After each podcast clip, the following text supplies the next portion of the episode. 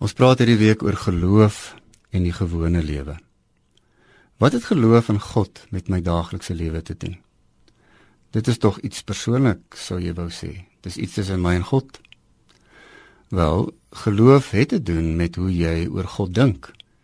En hoe jy oor God dink, het weer 'n direkte invloed op jou lewe.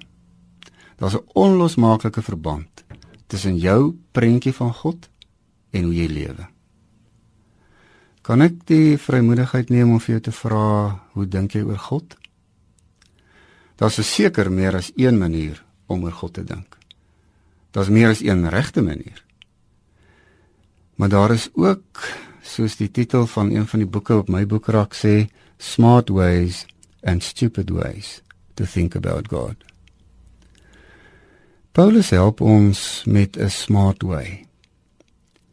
Hy beskryf God as genadig Hy wil mense aanmoedig om voluit vir God te lewe. En waar begin hy? By die groot ontferming van God. As jy daar begin, as jy verstaan dat God jou in liefde omarm, dan verander dit die manier waarop jy lewe en na die lewe kyk.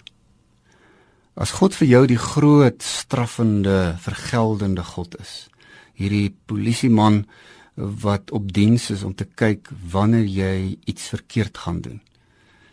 As jy die 10 gebooie beleef as 10 knorrige waghonde wat jou wil uitvang as jy 'n voet verkeerd sit, wel, dan gaan jy so na die lewe kyk. Maar as jy verstaan dat God genadig is, lewe jy ontspanne en as 'n vrye mens. Praktiese geloof begin dus by genade. Dit was 500 jaar gelede Martin Luther se eerste en belangrikste vraag. Hoe is God? Hy het die antwoord gekry. God is genadig.